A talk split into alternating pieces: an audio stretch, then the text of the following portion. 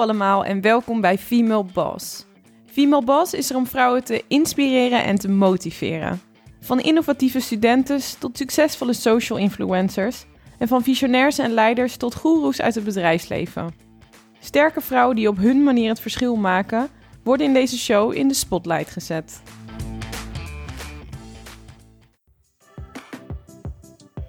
De top van het bedrijfsleven.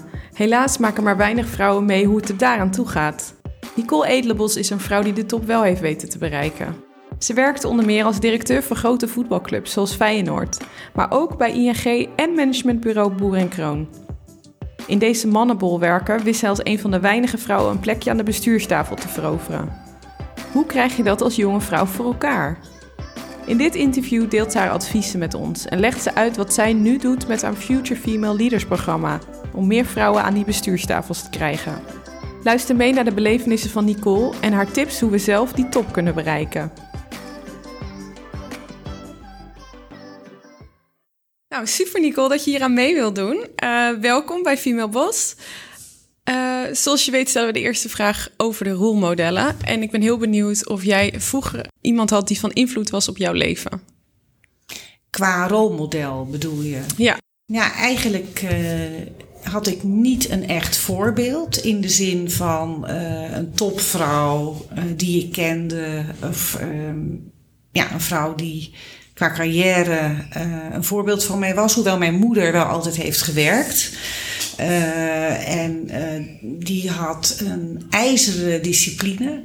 Uh, ook al voelde ze zich niet goed, niet lekker of wat dan ook. ze ging altijd werken. ze heeft gewerkt nou, tot het dik over de 60 was. Dus in die zin, dat was wel een voorbeeld voor mij. Ja. Maar, um, nou zeg niet een, een, de topcarrière van de vrouwen waar ik nu vaak naar kijk. En waarvan ik ook hoop dat er meer vrouwen op dat soort posities terechtkomen. Ja. Ja, want jij bent daar wel druk mee inderdaad, met dat onderdeel in de samenleving, de topposities van vrouwen. Daarvoor werkte je ook al in de top, maar op een hele andere manier. Je ging nadat je advocaat was, ben jij in de voetbalwereld verzeild geraakt. En dat is natuurlijk best wel een masculine wereld. Hoe is dat gelopen? Ja, ik heb eigenlijk, uh, zeg ik altijd een beetje als grapje, in, uh, in uh, drie sectoren die beginnen met een V gewerkt. dat is namelijk verzekeringen, want voordat ik advocaat werd heb ik bij een Duitse verzekeraar gewerkt. Uh, en vervolgens heb ik uh, veel in vastgoed gedaan. Dat vind ik ook wel een mooie V. En de laatste V is natuurlijk het voetbal. En je kan wel zeggen dat dat wel sectoren zijn. Uh, Alle waar, drie wel. de mannen de dominante factor zijn. Ja. dus ja, dat heeft me eigenlijk nou ja, eigenlijk niet bezig gehouden heel erg lang. Ik, dus ben ik zeker 15 jaar van mijn carrière speelde niet het thema uh, vrouwen, mannen en dat er meer vrouwen aan de top zouden moeten komen. Ik was eigenlijk best ouderwets daarin. Ja, weet je, als je gewoon hard werkt en uh, je bent gezond, je hebt veel energie en uh, je vindt dat werk ook echt een deel van wie je bent. Je boekt af en toe eens een succesje, dan komt dat vanzelf wel goed. Oké, okay, wat zag je veel? Zag je meer vrouwen om je heen in die ja, in die, in die beginperiode zeker. En uh, ja, hoewel bij die verzekeringsmaatschappij waren eigenlijk ook geen vrouwen zozeer in mijn omgeving. Uh, wel bij andere maatschappijen en bij makelaars en dergelijke een enkeling. Hè, dus dan, en dan kende je elkaar ook snel, want mm -hmm. ja, er waren niet zo heel veel vrouwen. dus uh, dat was wel leuk, dat je ook wel wist uh, wie waar zat in de tijd. Maar weet je, niet echt vrouwen die op een plek zaten waarvan je dacht, nou die willen ook echt verder. Weet je, die vinden het werk zo leuk en belangrijk, die gaan ermee door. En dat viel mij nou, lange tijd niet op. Dus in die beginjaren, weet je, had je wel toch een aantal vrouwen in je omgeving in ieder geval. Uh, ook uh, gestudeerd hebbend. Uh, nou, die kende je en die gingen ook door en die vonden dat leuk. Maar dat werden er op een gegeven moment steeds minder. Dus waar ik dacht, nou ja, weet je, je moet gewoon werken. Werk is leuk. En nou, een beetje Rotterdamse mentaliteit, mouwen opstropen en doorgaan. dan komt iedereen er wel. En ik ben er pas dus nou, echt veel later uh, over gaan nadenken, uh, constaterend dat er nog wel ja, betrekkelijk weinig vrouwen ook aan de tafel zaten waar de besluiten werden genomen. En dat werd steeds minder. En daarvan dacht ik op een gegeven moment: dit klopt echt niet. En dat ik er uh, echt iets aan ben gaan doen, dat is, ik denk na mijn voetbalperiode geweest. In de zin van dat ik, uh, ja, zeg zo'n 18, 20 jaar geleden, uh, toen voor het laatst als directeur werkzaam was bij NEC en NAC. En ben daarna toen als uh, managing director bij een uh, advocatenkantoor terechtgekomen in Amsterdam, wat gereorganiseerd en geprofessionaliseerd moest worden.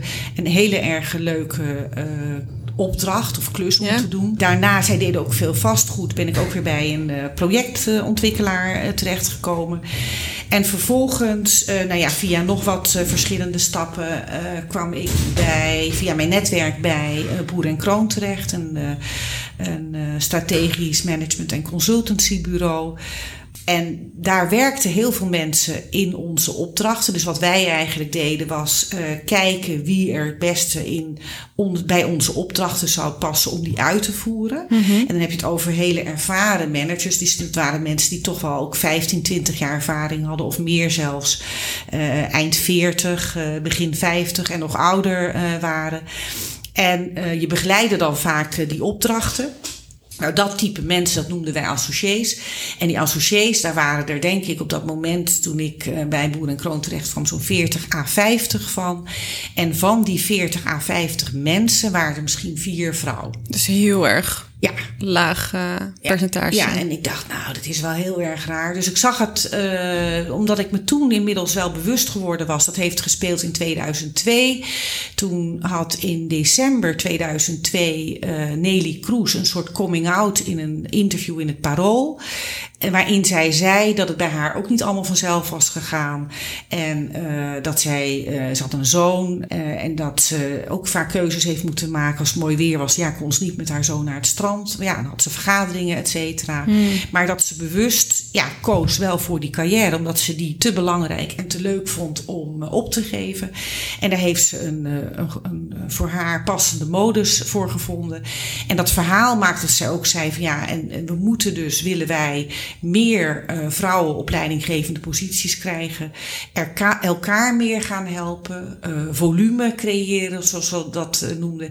En zij is toen op dat moment al begonnen om met zo'n lijst, zo'n lijst samen te stellen van vrouwen die kennelijk niet echt opvielen, maar waarvan zij zijn. Ze zijn er en ze kunnen het, dus zorg nou gewoon dat die vrouwen benoemd gaan worden. Ja. En dat was voor mij eigenlijk ook het moment in 2002 waarop ik dacht, ja, ik kan wel denken dat het allemaal vanzelf gaat en dat ik zo in elkaar steek dat ik er wel kom. Mm -hmm. Maar het gaat juist over die vrouwen die ook heel talentvol zijn en een, misschien een andere stijl hebben dan ik. En zeker dan heel veel ja, uh, masculine mannen, zal ik maar zeggen. Mm -hmm.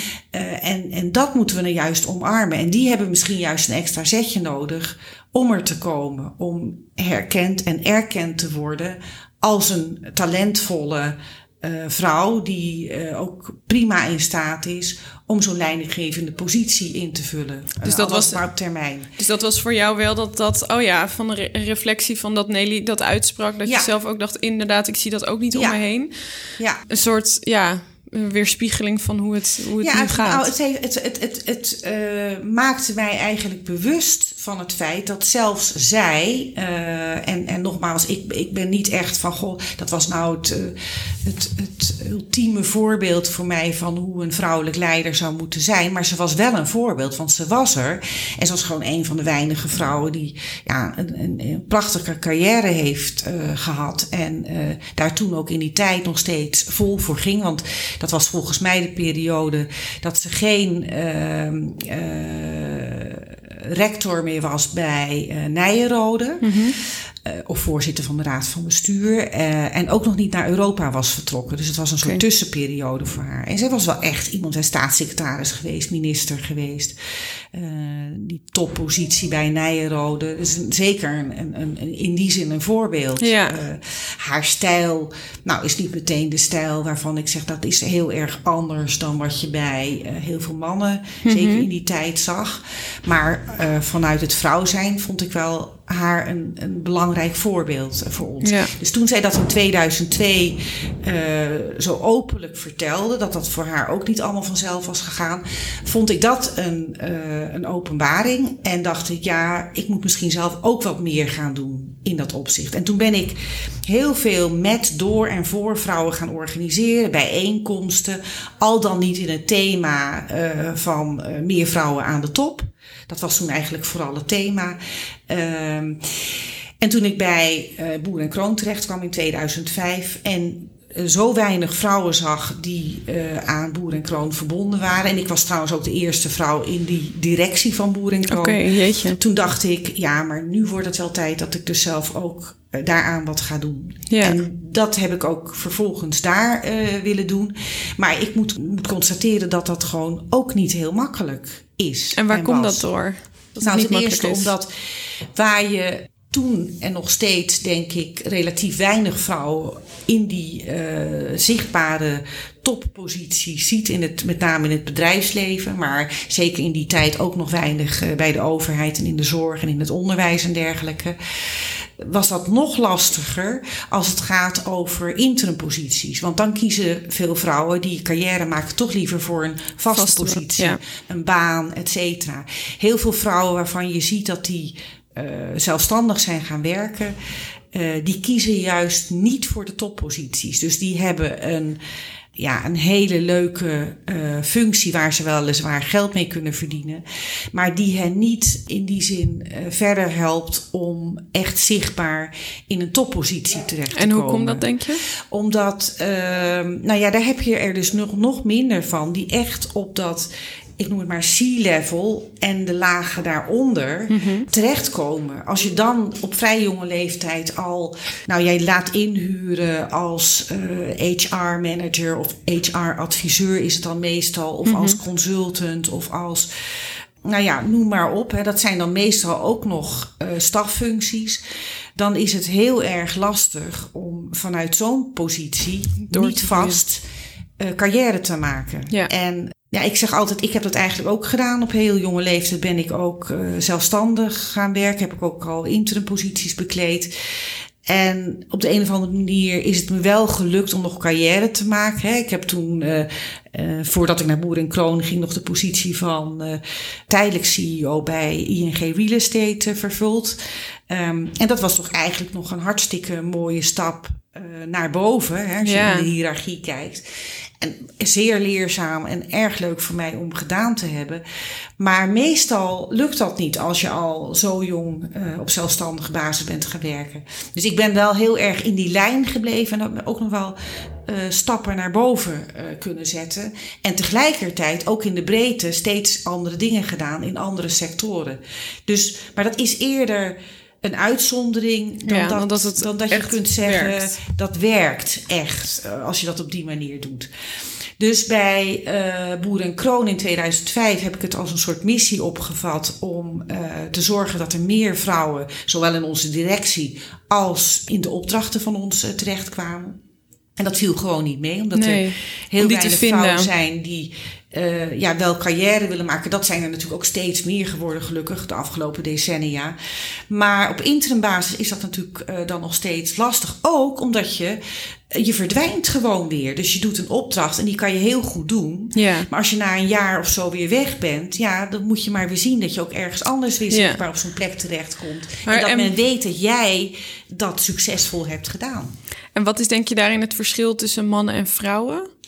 Uh, nou ja, sowieso uh, meer mannen ook op dat in die bovenlaag, op die hoogste posities terechtkomen, ook ad interim. Veel maar en, meer. en hoe komt dat, denk je? Nou, omdat Qua ze uh, sowieso, denk ik, al langer een carrière hebben gehad. Uh, waarin ze al op die posities terechtgekomen zijn. En dan vervolgens besluiten om dat ook interim te doen. Dus die vrouwen die dat doen, die hebben vaak nog niet die posities in, vanuit een vaste positie gehad. Mm -hmm. Besluiten dan op vrij jonge leeftijd ad interim dat te gaan doen. Maar dan hebben ze nog niet de kennis en ervaring van die ja, hogere, zwaardere posities. Dus jij zegt, zeg je dan daarmee dat, het, dat je vrouwen zou adviseren, of in ieder geval dat, dat het handiger is om, om minder vroeg interim te gaan werken en Juist eer verder door te groeien in een vaste rol. Ja, als je, eh, en dat, maar dat zeg ik ook tegen jongere mannen hoor, die soms al uh, uh, midden 40 uh, of begin 40 zeggen: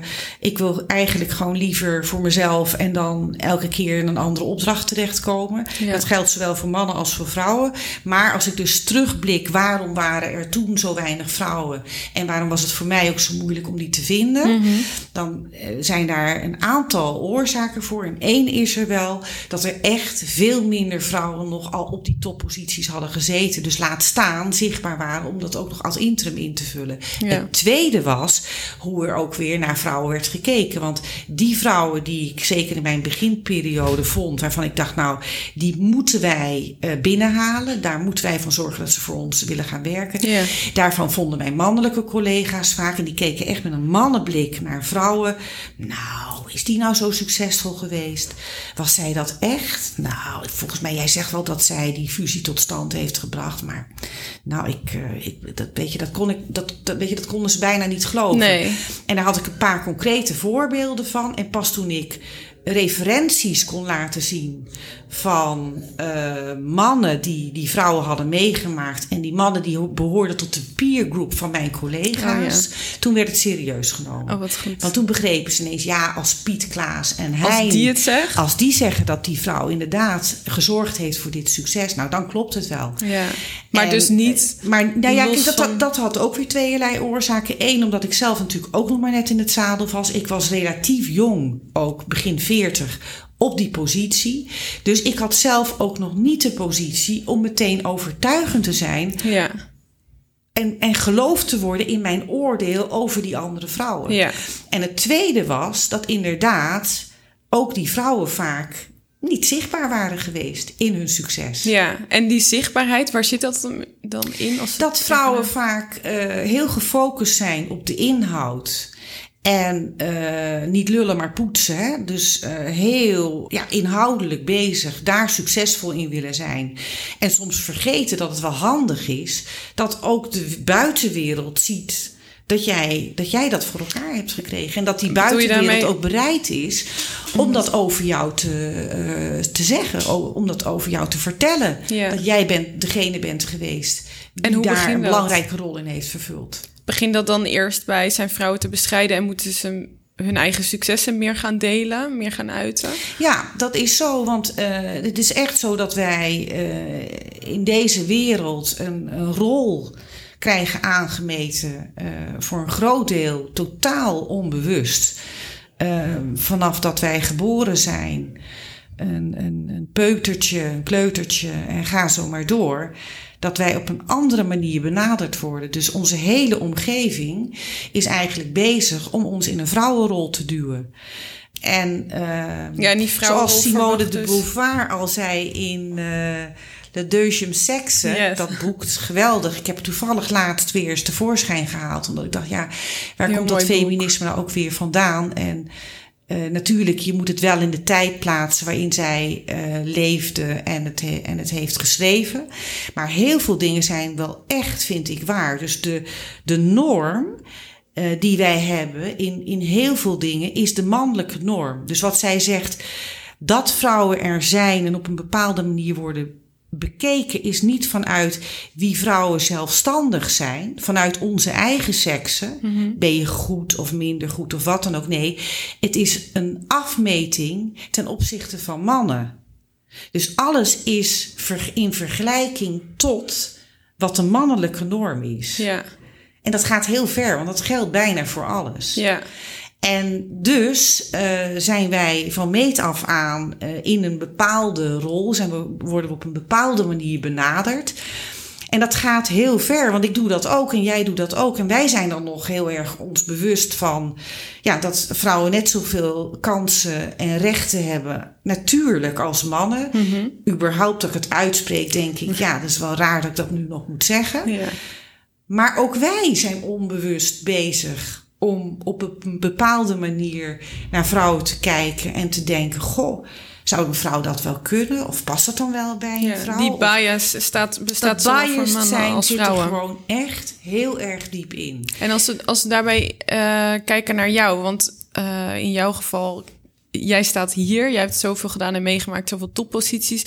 Hoe heb je daaraan kunnen ontworstelen uh, om het beeld, ja, dat beeld eigenlijk te ontsnappen daaraan? Om steeds afgemeten te worden? Ja, dat is heel gek als ik het over mezelf heb. En dat is dus ook mijn, uh, dat is ook wel de kant die ik heb moeten ontwikkelen, uh, heb kunnen ontwikkelen door me er eerst bewust van te zijn. Ik heb me nergens aan ontworsteld. Ik heb, en hoe kan het dat jij daar geen last van had? Nou, ik weet het dus eigenlijk niet. Uh, ik weet wel dat ik uh, enorm autonoom ben. Uh, dat ik me denk ik minder dan in ieder geval heel veel andere vrouwen die ik uiteraard ken van jongs af aan. mezelf aantrek van wat men ervan vindt.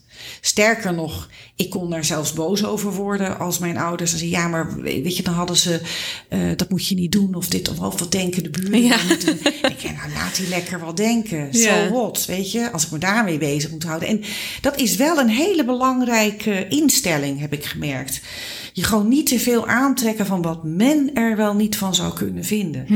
En dat betekent niet dat je losgezongen moet zijn van uh, wat belangrijk is voor je omgeving.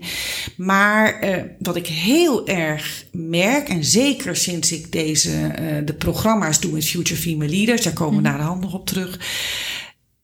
ik heb zo gemerkt dat vrouwen zich ongelooflijk veel aantrekken van dat kleine stemmetje in hun hoofd. Wat altijd maar kritisch is en altijd vindt dat je van een 8, een 9 of een 10 moet maken. En het is nooit goed genoeg. En daar ben ik dan wel degene die dit kan zeggen. Weet ik er wel voldoende van? Zie ik er wel goed genoeg uit? Heb ik wel het juiste gekozen? Ja, dat brengt enorm veel onzekerheid. En ik kan echt zeggen, uh, dat heb ik ook vorig jaar weer gemerkt toen ik uh, nou tijdelijk in verschillende rollen zat bij bij NAC Breda.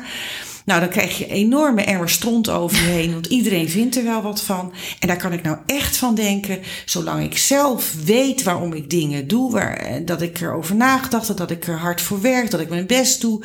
Uh, en natuurlijk, daar, ook, daar hoort ook bij het maken van fouten.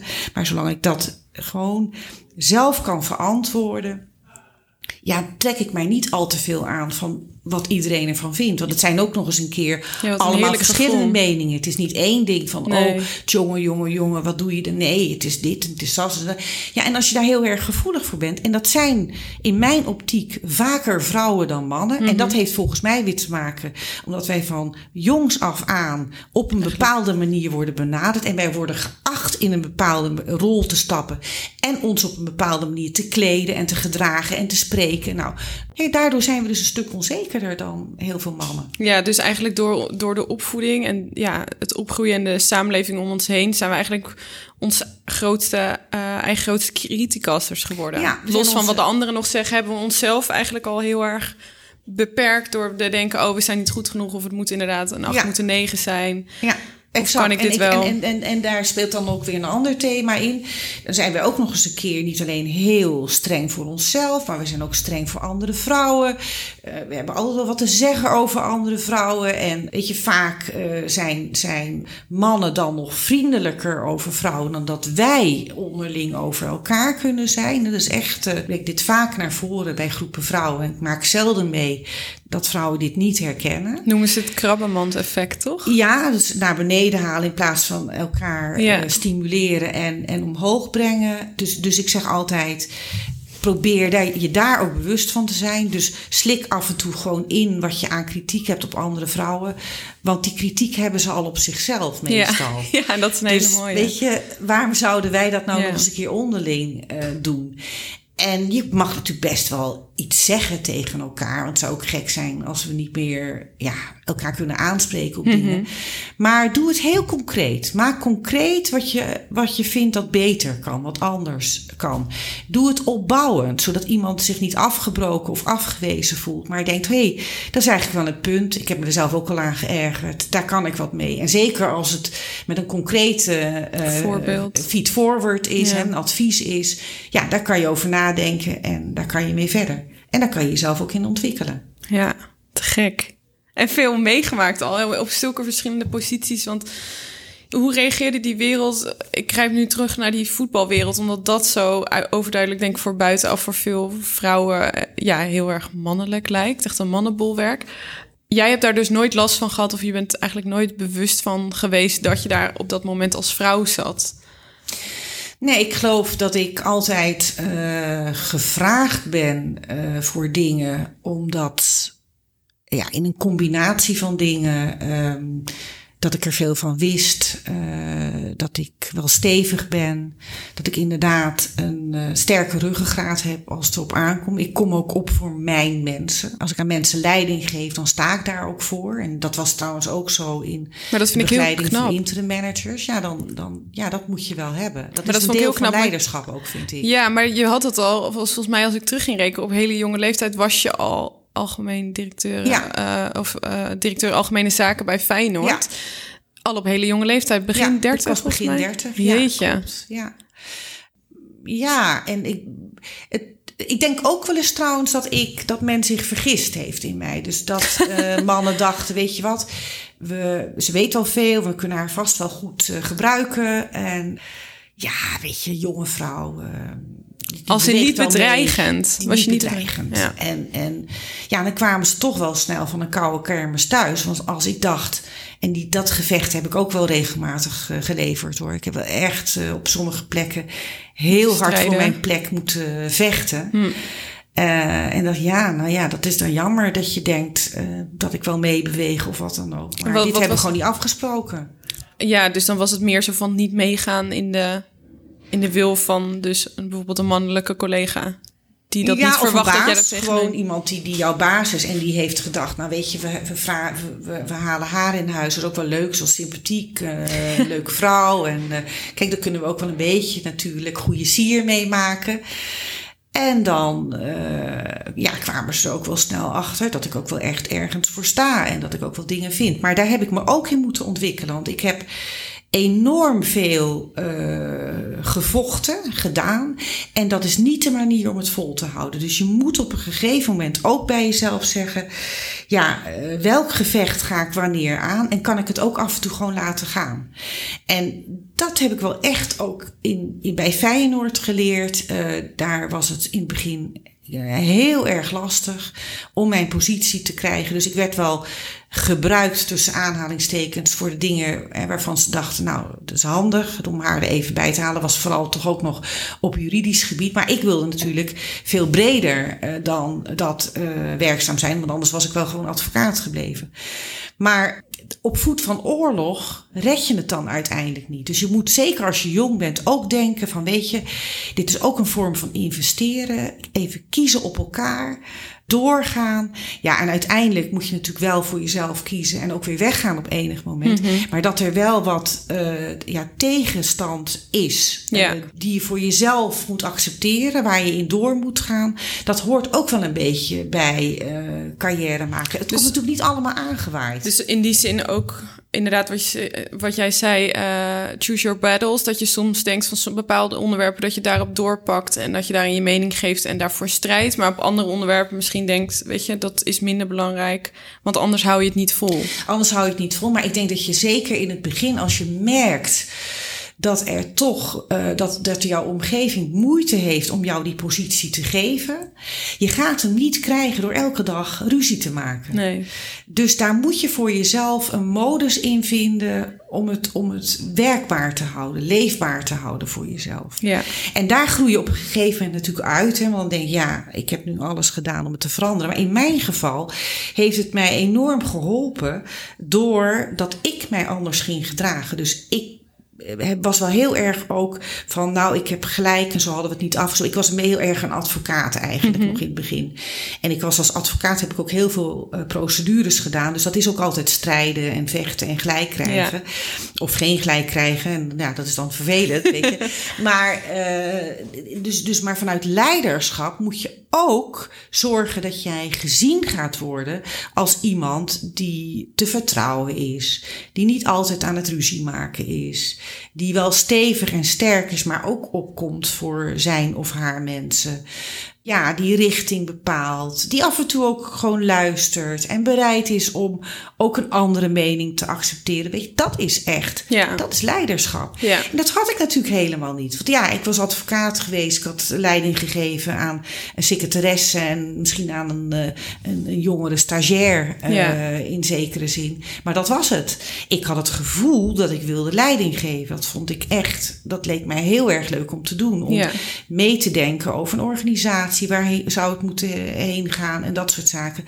Maar ik had natuurlijk niet echt die ervaring. En die heb ik wel echt opgedaan. Omdat ik zeker wist, als ik niet mijzelf anders ga opstellen, dan red ik het uiteindelijk niet. Nee, nee. Heel, heel mooi. Mooi advies, denk ik ook. En als we terugkijken, je zei net al inderdaad over dat je sinds jongs af aan al een beetje hebt van het interesseert me niet wat anderen denken. Wat denk ik een heerlijk, heerlijk gevoel moet zijn om dat helemaal los te kunnen laten. En ook omdat je natuurlijk een aantal publieke functies hebt gehad waar inderdaad mensen een mening over uh, hadden. Toen je voor Feyenoord werkte, toen heb je uiteindelijk uh, een relatie gekregen met Maarten. Ja. Wat nu ook nog jouw man is. En Maarten was destijds directeur van Ajax. Ja. Wat natuurlijk in principe in de voetbalwereld, Ajax en Feyenoord zijn niet de beste vrienden. Uh, dat werd een ding. Kon jij dat toen ook? Hoe was de, de, de media toen? Was dat zoals nu ook net zo? Ja, ja, de media en heel veel mensen uh, stonden gewoon aan mijn kant. Die vonden het okay. absurd dat ik uh, werd ontslagen. Die vonden het uh, ook in de man-vrouw verhouding. Ja, dus gold dat ook voor Maarten? Werd Maarten ook uit zijn positie? Nee, Maarten niet. En dat, oh, was, wow. dat, dat werd ook, ook natuurlijk gezien ja. als onrechtvaardig. Waarom ja. moet die vrouw er nou weer uit en mag die man blijven? Nou, daarvan heb ik altijd gezegd, dat gaat helemaal niet over mannen of vrouwen of wat dan ook. We hebben gewoon twee verschillende werkgevers. Ik weet zeker dat als Maarten bij Feyenoord had gezeten, was hij ook ontslagen okay, geweest. Okay. Feyenoord uh, bestuur op dat moment accepteerde het gewoon niet. Okay. En dat werd wel ook wel ingefluisterd door een aantal mensen die je altijd in zo'n club hebt zitten. Dat heb je trouwens in veel organisaties. Die zeiden ja, maar is toch niet acceptabel en misschien worden wel allemaal geheimen doorverteld en weet ik veel wat. Dus dat was de reden om dit niet te accepteren. En uh, ja, Ajax keek daar gewoon anders tegenaan. Ja. En uh, daarom werd uh, Maarten op dat moment niet ontslagen. Dus daar kon jij zelf wel, daar was je zelf wel senang mee, omdat je wist dat de reden, oké, okay, van dat is gewoon die werkgever van ja. mij geweest. Ja. Dat is ja. verder oké. Okay. En ook... Ja, en omdat ik natuurlijk qua werk uh, goede reputatie had. Ik werd, zodra bekend werd dat ik uh, weg moest bij Feyenoord, werd ik door allerlei gebeld. organisaties gebeld. Ja. En uh, ben ik eigenlijk meteen daarna bij twee andere clubs gaan werken. Tegelijkertijd nota bene oh, wow. ook nog. Jeetje. Dus, ja. En jij hebt toen zelf niet een moment van frustratie of boosheid gehad van ja, shit. Mm, nou, het was heel verwarrend, omdat je, het, het gaat niet over, over je werk. Nee. En over hoe je het in je werk hebt gedaan. Het gaat over heel, iets heel erg privés. Ja. En dat heb je natuurlijk, weet je, er waren natuurlijk wel nog allerlei andere mensen, je familie, je gezin, onze voormalig partners bij betrokken. Daar wil je natuurlijk niet dat dat zo breed uitgemeten wordt in de media. Ja. Uh, dus dat, dat vond ik heel erg pijnlijk. En daar werd ik, was ik ook wel heel verdrietig over. Maar ja, tegelijkertijd even vanuit mijn uh, werkperspectief bezien. Uh, maakte het dat ik ja, daarna gewoon heel erg leuk werk heb, heb gekregen keer op keer. Ja. Dus eigenlijk inderdaad in positieve zin eruit. En ik vind het ook heel knap hoe je erover spreekt van ja, het was niet om die reden. Voor jou Nee. was het duidelijk, zeg maar, dat het niet een man-vrouw verschil was of iets. Nee, Nee. nee, daar ging het helemaal niet om. En uh, ik begrijp wel dat uh, de buitenwacht daar ook deels op die manier naar keek. Ja, En uh, ik zelf denk ook dat, hè, wij, wij zijn nog steeds bij elkaar, dus we zijn zoveel jaar verder. Ik, ik vind ook wel dat er een afspraak had moeten worden gemaakt binnen de clubs. Hoe gaan wij hiermee om? Ja. En ik denk dat ik absoluut bereid was om uh, weg te gaan op een nette manier, met een nette regeling. Uh, maar ja, dat was gewoon niet aan de orde. Ik, ik, ik moest in de krant lezen dat ik weg moest. Echt en toen waar? was ook eigenlijk geen normaal gesprek meer, meer mogelijk. wauw. Ja, en dat is uh, wat het heel vervelend heeft Ja. gemaakt. Ja, dat is gewoon niet chic gegaan. Die Dat is niet op. chic gegaan, Nee. nee. Nee, en bizar. En dan voelt het ook weer, want je hebt ook een soort relatie met je, met je werkgever, zeg maar, met je, Ja. met je werk. En Ja. dan heb je ook een bepaalde, bepaalde vertrouwensband. Dus ik snap wel dat dat, ja, dat dat impact heeft. Ja. Ja, Los van de reden en of je daarmee eens bent of niet, dat het proces gewoon netjes verloopt. Ja. Ja. Je zei eerder dat je tijdens je carrière merkte dat er uh, naar vrouwen op een andere manier wordt gekeken. En dus ook die vrouwelijke eigenschappen. Je zei die op zich waardevol zijn, die worden minder gewaardeerd dan mannelijke eigenschappen. En dat terwijl vrouwen zoveel meer in zich hebben dan ze nu kunnen laten zien. Wat vind jij, want we hebben het net al even gehad aan de kant van de vrouwen, wat nou ja, wat er in hun, hun hoofd omgaat, zeg maar. Uh, wat moet er fundamenteel anders in het bedrijfsleven als we kijken naar de rol van de vrouw? Is er iets wat er aan die kant anders moet? Ja, nou kijk, wat je ziet is dat eigenlijk uh, uh, nog steeds uh, de masculine kant domineert. Zowel bij mannen als voor vrouwen. Dus heel veel vrouwen die de top bereikt hebben. Niet allemaal hoor, er zijn echt mhm. wel uitzonderingen. Maar veel vrouwen, uh, zeker nog als je kijkt naar een aantal jaren terug, die de top hebben bereikt, die hebben daar zo voor moeten vechten. En waren zo uh, de enige die anders was in een bepaalde omgeving, dat die ook wel ja, zich hebben aangepast aan die omgeving. En al, ook al hebben ze die top bereikt, dan daarmee in hun gedrag weinig diversiteit, diversiteit hebben uh, gerealiseerd. Ja. Omdat ze eigenlijk dezelfde stijl, dus dezelfde masculine stijl hanteren als uh, veel mannen op die plek. Dus wat moet het bedrijfsleven doen? Uh, er moet veel meer bewustwording zijn voor uh, welke stijl van leiderschap belangrijk is voor een organisatie. En ik denk dat als je meer uh, waardering gaat krijgen voor wat we dan noemen de meer vrouwelijke eigenschappen, dan zal dat ook teruggevonden worden in bepaalde profielen uh, die geschreven worden op, voor leidinggevende posities. En dan zal veel vaker een vrouwelijk iemand, een vrouwelijke vrouw, een vrouwelijke mhm. man, geschikt worden geacht om die plek uh, te gaan vervullen dan nu het geval is. Want zijn ze ook net zo geschikt? Dan, dan, dan, nou ja, uh, als je het hebt over stijlen, je moet kijken naar wat is hier nodig. Ik denk dat in een crisissituatie er een andere stijl van leiderschap nodig is dan dat je aan het bouwen en aan het groeien en aan het mhm. uitbreiden bent. Hoewel zelfs in een crisis, als we nou even kijken naar een aantal landen, dat wordt genoemd met eh, vrouwelijke leiders. Mhm. En hoe zij het hebben gedaan ten opzichte van een aantal masculine, mannelijke leiders. Nou, dan kun je zeggen dat in een aantal gevallen die vrouwelijke leiders het toch een stuk beter hebben gedaan. Ja. Maar ik ga uh, het thema tegenwoordig veel meer aan beyond gender. Dus het gaat niet meer over mannen en vrouwen, het gaat over stijlen van leiderschap. Ja. Nou zie je wel vaker de vrouwelijke stijl, de kenmerkende vrouwelijke stijl van leiderschap terug bij vrouwen dan bij mannen. Maar er zijn natuurlijk ook mannen met een vrouwelijke stijl. Of een androgyne stijl. Hè? Dat is een beetje van, van allebei. Uh, maar, uh, en een androgyne stijl, uh, nou, kan ook vaak goed, goed van toepassing zijn voor een bepaalde situatie. Maar ik wil ook nog wel benadrukken dat het gewoon echt een vrouwelijke stijl ook vaak wel past. En dan heb ik het over uh, meer uh, empathisch vermogen, uh, wat meer langere termijn kijken, minder vanuit de hiërarchie, het spel van macht en invloed, maar gewoon mm -hmm. kijken naar wie heb ik in mijn omgeving, wie kan wat het beste doen. Toch wat meer ook op de inhoud gericht dan de naam en, en over wie het gaat. Ja. minder puur resultaatgericht, maar ook kijken naar en hoe gaan we dat dan doen met elkaar. Ja. En uh, hè, dus ook minder korte termijn. En minder voor nodig? eigen. Minder voor eigen belang, maar meer kijkend naar de team en de omgeving. Meer gelijkwaardigheid zoekend in plaats van het, uh, het hiërarchische of het piramidemodel. Ja. Dus er zijn er heel veel dingen die ook echt wel werken als daar meer begrip en aandacht voor zou zijn, mm -hmm. dan denk ik dat ook de profielen hè, voor mensen die je nodig hebt, hoe moeten, hoe moeten die persoonlijkheden eruit zien, wat voor ervaring moeten ze hebben, die zullen dan ook meer toegeschreven worden naar, uh, naar die eigenschappen. Ja, en hoe kunnen ze dat dan doen? Want we hebben het nu al over die topposities, maar het gaat eigenlijk al om dat lager daaronder. Hè? Want als het daar niet goed werkt, dan komen die vrouwen ook niet hoger en dan is het ook begrijpelijk dat er geen geschikte vrouwen zijn. Of inderdaad, of mannen met uh, feminine leiderschapstijl.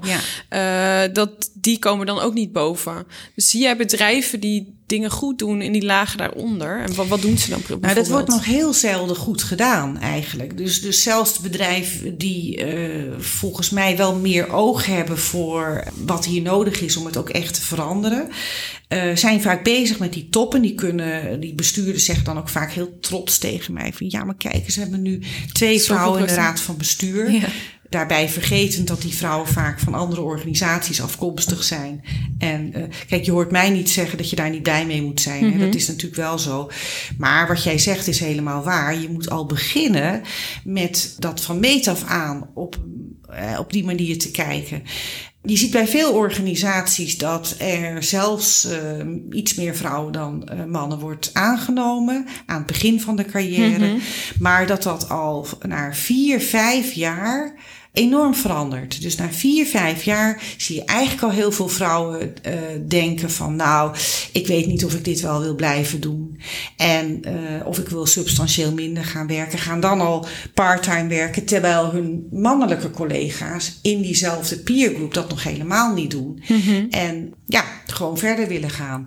Dus dan zie je eigenlijk in die tussenlagen, die zijn natuurlijk belangrijk hè, om echt te kijken van yeah. hoe gaan we het dan veranderen aan de top en voor de hele organisatie. Daar zie je die shift al plaatsvinden dat er gewoon meer mannen op leidinggevende posities werkzaam ja. zijn dan vrouwen. Ja, en dan is het natuurlijk niet gek dat je, ja, als die funnel gewoon qua vrouwen steeds, steeds kleiner wordt, ja. Uh, ja, dan ga je het aan de, aan de top ook niet redden. Dus veel oplossingen worden bedacht dan, dan maar vrouwen van buiten te halen. Maar de ja. echte oplossing is er één. Van binnenuit. Van binnenuit. En als je dan, hè, dan kom je weer op dat, op dat magische getal van meer dan 30 procent. Ja dan heb je het dan nergens meer over. Dus als je meer dan 30% vrouwen op al die uh, zichtbare posities hebt, dan wordt het normaal gevonden. En dan zijn dingen waar wij nu nog een discussie over hebben, of waarvan we nu denken: oh, dat is eigenlijk een afwijking, of wat bijzonder, ja. of wat, oh, dan moeten we een boek over schrijven. Een vrouw op die plek, nou, jongen, jongen. Nee, dat is dan net normaal. zo bijzonder, ja. of net zo normaal als dat er mannen zijn op die plek. Ja, dat percentage waar we het net over hadden, is dat dan een eerste stap daar naartoe? Zeg maar, is, de, is dat ja, beyond gender? gender ja. ja. Is dat een langetermijn doel? En moeten we om daar te komen, moeten we misschien eerst winnen aan die, uh, wennen aan die feminine stijl en kwaliteiten? En dat we dus eerst zeggen, we moeten eerst een soort quotum of percentage hebben om daaraan te voldoen en daaraan te wennen. Is ja, dat een eerste stap? Je hebt heel veel mensen die zeggen, uh, en het is ook wel een soort ja, bijna verwijt naar mij van nou, jij zegt dan weer in jouw programma's ook dat vrouwen moeten veranderen, dat het daarmee begint. Mm. Nou, ten eerste geloof ik helemaal niet in dat vrouwen kunnen veranderen, net zo min als dat mannen kunnen veranderen, maar ik geloof er wel in dat vrouwen iets minder laten zien op de werkvloer wat ze thuis wel laten zien. Ja. En dat dat al heel erg zou kunnen helpen. Dus ik vraag ja. er juist eigenlijk om, om uh, niet te veranderen, maar wel meer in te zetten van wat je al in je hebt. Mm -hmm. En dat doe je natuurlijk makkelijker als je je iets zelfverzekerder voelt en niet denkt: oh, kan ik dit eigenlijk doen? Dat ja. wordt wel iets anders van me verwacht. En uh, ja. goh, voel ik me daar wel zeker genoeg voor? Nee, weet je, die zekerheid die moet juist opgebouwd worden. En dan durf je zelf iets anders te laten zien. En in die interactie gaat jouw omgeving anders naar jou op jou reageren. Ja. Daar geloof ik heel erg ja. in. Nou, daar begint het mee. En die bewustwording van dat dat zo werkt. Nou, die, die moet er bij vrouwen zijn. Want Mhm. mm -hmm. ik geloof in verander de wereld, begin met jezelf. Dus ga niet wachten totdat die mannen gaan nee, veranderen. Nee, nee. Hè? Dus de, de, de, het verwijt naar mij. Zo, ja, maar die mannen moeten toch veranderen? Ja, dat zou ik ook wel willen. Maar ze gaan het niet doen. Mhm. Mm -hmm. Want zelfs die mannen die zelf best iets anders willen laten zien, ander gedrag willen vertonen, vragen mij vaak: maar wat bedoel je dan precies? Mhm. Waar hebben we het dan over? Ja. En waarom dan? Want er moet ook wel eerst een besef zijn bij mensen als je vraagt of ze iets anders willen gaan doen. Waarom dat dan is en, en hoe ze dat dan moeten doen en waar het dan precies over gaat.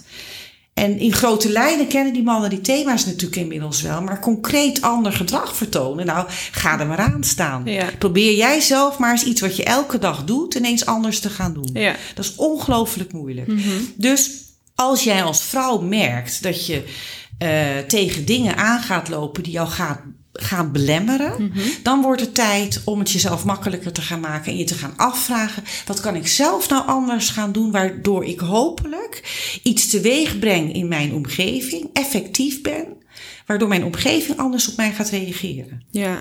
En dan kun je oefenen. Hè? Dus dat is wat wij voor een Ja. deel doen. Gewoon probeer het maar. Oefen het eens een keer. Ja. Eh, doorzie wat er eigenlijk gebeurt in jouw omgeving. Dat is al heel interessant. Want Ja. vaak heb je, denk je, oh, wat deed ik nou? Of jeetje, waarom zei ik dat nou niet? Hè? Nu kan ik het zo bedenken. En ik was daar ineens gewoon helemaal van me apropos. En kon helemaal niks meer uitbrengen. Nou, te snappen wat er nou gebeurd is. Niet alleen binnen jezelf, maar ook die omgeving die daar natuurlijk een belangrijke rol in, in speelt. Dat is, dat is eigenlijk eh, stap nummer één. Ja. En Ja. daarmee aan de slag gaan. En dat is dus wat, wat jullie ook doen in het programma. ja, En, dat, Ja. en die andere kant is dus van de, vanuit een organisatie. Want laten we zo nog even verder eh, bespreken hoe dat in dat programma eraan toe gaat en wat er daarbij aan bod komt.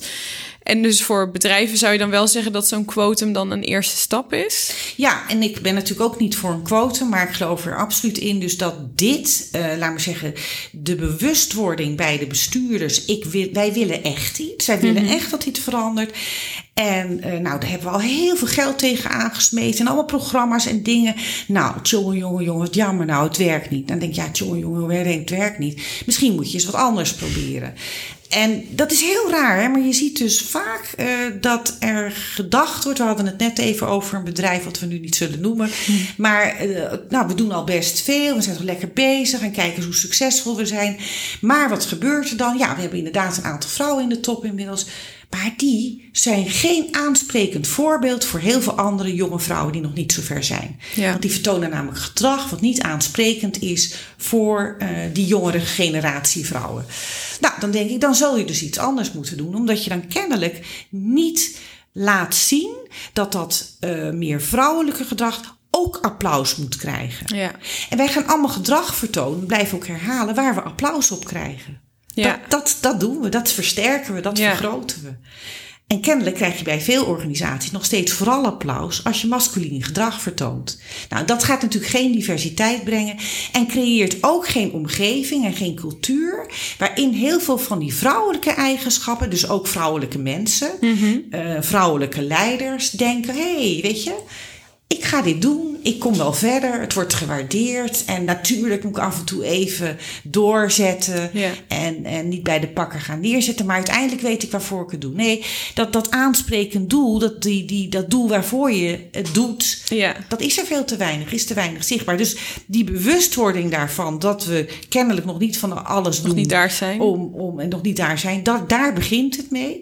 Nou, daar dan vervolgens op gaan inzetten. En inderdaad, met een hard quotum. Ja, en het quotum, het stelt natuurlijk helemaal geen bal voor. Want we hebben het nu, nu nog steeds alleen maar over beursgenoteerde bedrijven. En dan gaat het over een quotum in de Raad van Commissarissen, Ja. nota bene. En wat je dus ziet, dat ook in die Raad van Commissarissen moet wel echt die 30% gehaald worden, het liefst een beetje meer. Wil dat van invloed zijn op de benoeming in bestuurlijke posities?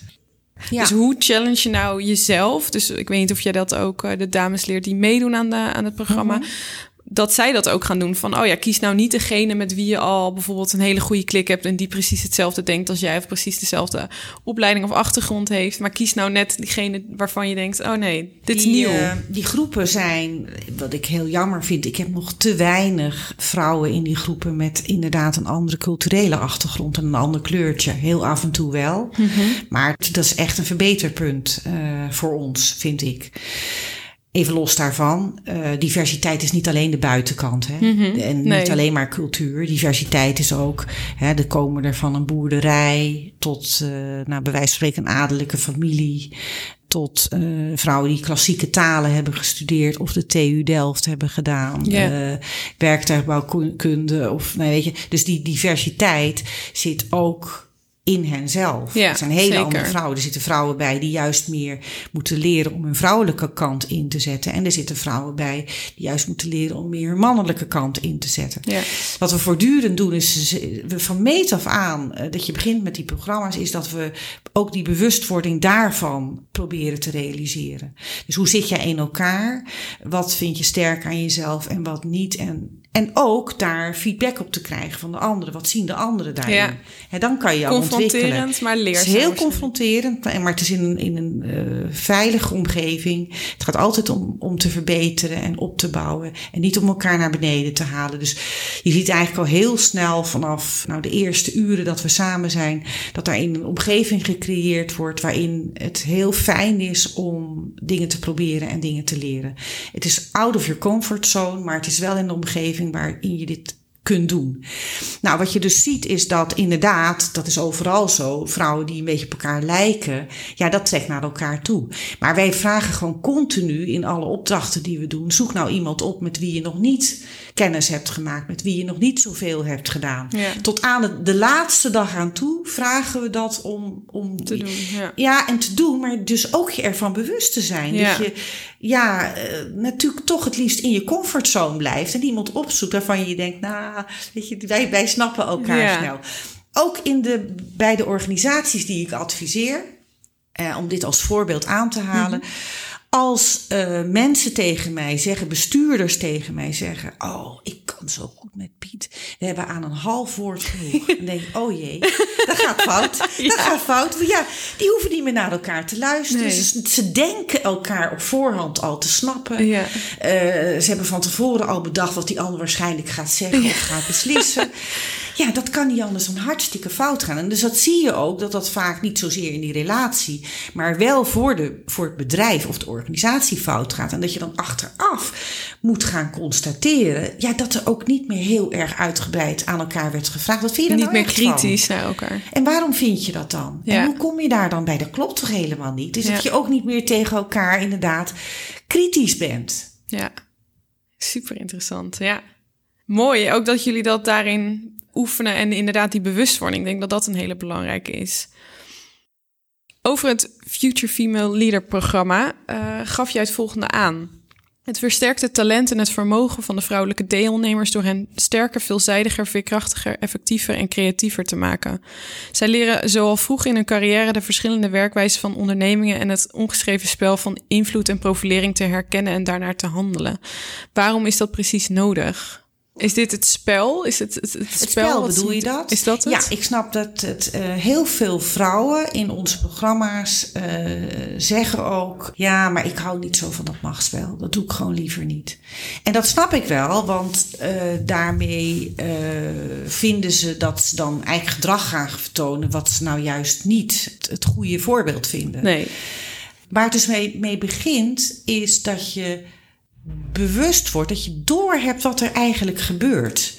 En dat is het veel meer. Dus dat je dat je, uh, je bewust bent van dat er een spel gespeeld wordt. En vervolgens denk ik dat je toch niet al te vies ervan moet zijn om ook af en toe met die bewust van hé, hey, wat zijn we nu aan het doen? Uh, mee te doen. Uh, in de zin van het ook wel een beetje leuk te gaan vinden. Hé, hey, als ik op dit knopje, knopje druk, dan gebeurt er dat ineens. Ja. Dat is apart. Dus ook die verschillende stijlen kunnen pakken. Als ik uh, me groot maak, nou, dan zie ik ook wel dat, me, dat men mij een beetje bedreigend gaat vinden. Ik krijg eigenlijk nog meer weerstand uh, terug.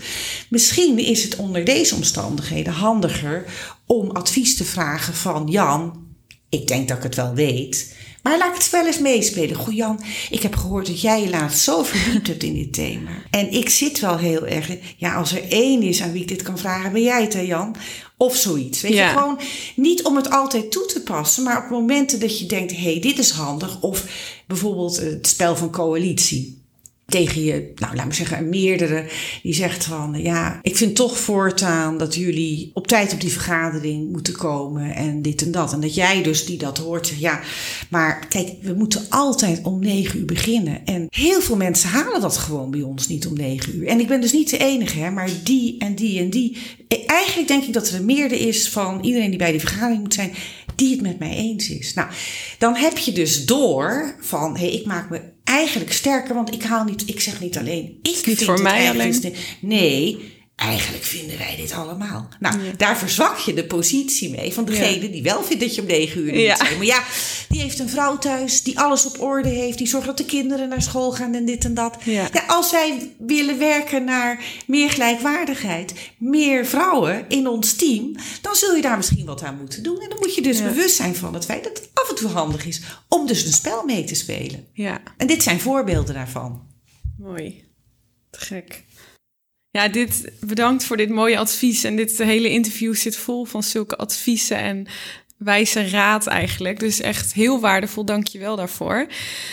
Ja, en voor ons ben je dus echt een female boss. Eh, en ik ben heel benieuwd van welke female boss zou jij haar verhaal nog wel eens willen horen? Ehm, is het dan wel leuk, want die heb ik wel al heel vaak horen spreken, maar nog nooit zelf aan tafel gehad. Hedy Dancona. Ja. Eh, want Nelly Kroes heb ik eh, nou, ook als voorbeeld gehad. Niet per se eh, vanwege de stijl, et, et cetera. Maar wel echt iemand als voorbeeld. Kijk, er zijn- even, er zijn nog twee thema's. Het is, één is het thema dat er meer vrouwen, überhaupt vrouwen, welke stijl er ook is, aan in die leidinggevende posities moeten komen. Want even los van de stijl. Het feit dat er een vrouw is benoemd, is vaak al ja, een, een eye-opener. En, en oh, dus zo, ik, kan, ik als Ja. vrouw kan daar dus ook Ja, komen. zeker. Hè? Het is En inspirerend. het tweede is dat ik zeg, maar ik vind ook echt dat we het vrouwelijk leiderschap meer moeten gaan omarmen. En Ja. dat heeft niets met man en vrouwen te maken op zich, Ja. maar meer met het eh, meer waarderen van vrouwelijke leiderschapskenmerken. Ja, ja, mee eens. En met Hedy, vind je dat dan een mooi voorbeeld daarvan? Ik vind Hedy is echt een voorvechter geweest van eh, de echte emancipatie, met ook wel echt die vrouwelijke kanten er- erin. Ja, Meer dan heel veel andere politica zichtbaar hebben gemaakt. ja. Dankjewel. Heel mooi. Ik heb nog zoveel vragen aan je, maar we moeten er ergens een eind aan Ja, breien. dan moet keer het programma doen. Ja, precies. Ja. Want je hebt het eh, Future Female Leader programma. En Ja. dat is, hoe vaak is dat per jaar? Nou, de, de, er zijn meerdere programma's. Er is een basisprogramma, dat is voor vrouwen tot 36 jaar.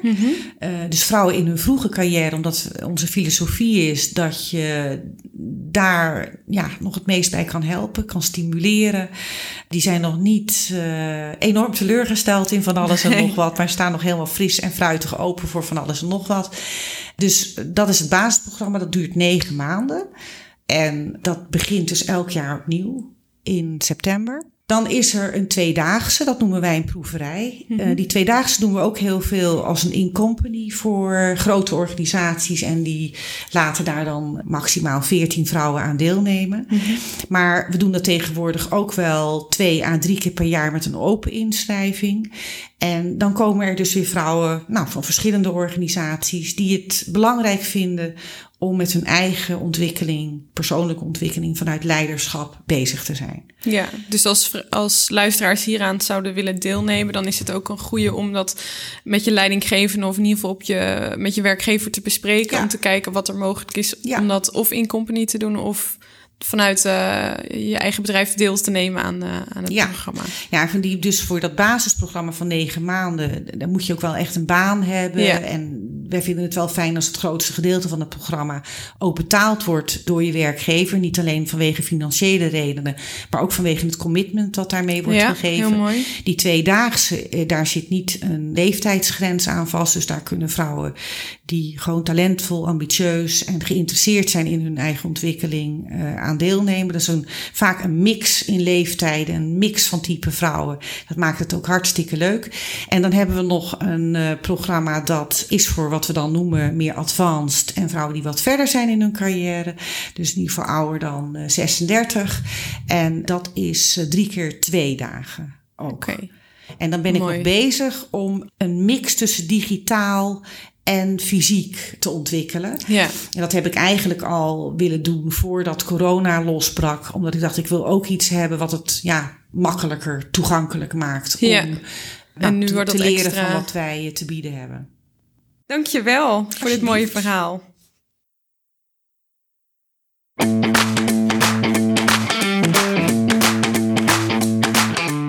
Heb je genoten van deze podcast? Ik zou het te gek vinden als je een review achter zou willen laten en je je abonneert op deze show.